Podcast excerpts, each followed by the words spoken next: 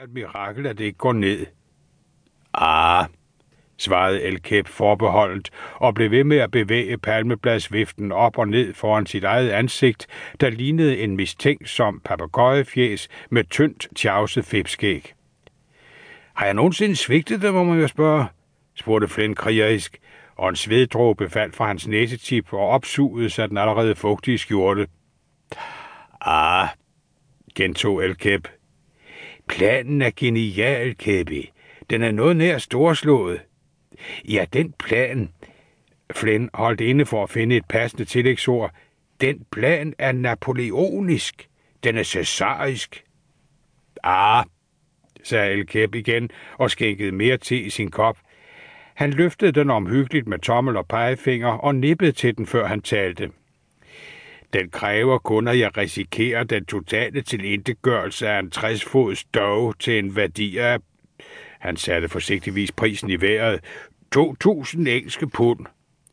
Mod næsten sikker gevinst på 20.000, indskød Flynn hurtigt, og El Kep smilede lidt, næsten drømmende.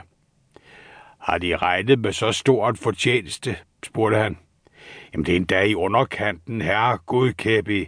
Der har ikke været løsnet et skud i Rufiti-bækkenet i 20 år. De ved da for fanden, at det er der kejsers private jagtreservat. Det er så spækket med jumboer, at jeg kunne drive dem sammen som får og gænde afsted med dem. Flynn bøjede uvilkårligt højre pegefinger, og det rykkede i den, som om den allerede krummede sig med en aftrækker. Galskab, viskede Elkæb, hvis læber krusedes mere forsoligt ved tanken om guldet.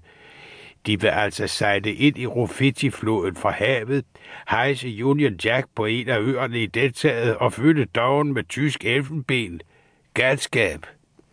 Officielt har tyskerne ikke annekteret nogen af de øer, og alt vil være klappet og klart, før Berlin får afsendt det første telegram til London.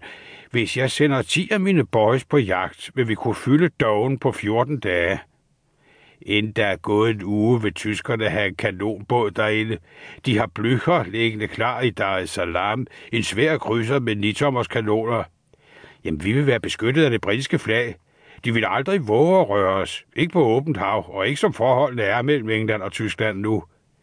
Mr. O'Flint, jeg troede, de var amerikansk statsborger. Det har jeg fanden galt mig også. Flynn rankede sig lidt stoltere i stolen. Men så må de have en britisk kaptajn bor på Down, sagde Elkæb grunden og strøg sig tankefuldt over skægget. Jamen herre gud kæppe, de troede vel ikke, jeg var tosset nok til selv at sejle hende derind. Flins udtryk blev forpint. Det må jeg finde en anden til. En, der også kan sejle helt ud igen igen den kejserlige tyske flåde. Selv kommer jeg til fods fra mit hovedkvarter i portugisisk Mozambique, og jeg forsvinder igen af samme rute. Undskyld. El Kæb smilede igen. Jeg har undervurderet dem. Han rejste sig hurtigt.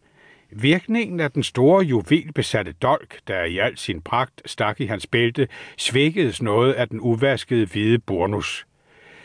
Mr. O'Flynn, jeg tror, jeg har lige den mand, der skal føre dogen for dem. Men hans økonomiske omstændigheder må først underkastes visse ændringer, så han kan være villig til at påtage sig arbejdet.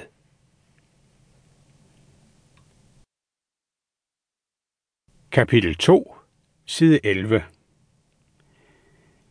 Læderpungen med dens indhold af gyldne sovereigns havde været den akse, hvorom Sebastian Oldsmiths let forvirrede tilværelse drejede sig. Sebastian havde fået den af sin far, da han gjorde familien bekendt med sin plan om at sejle til Australien for at gøre sin lykke i uldbranchen.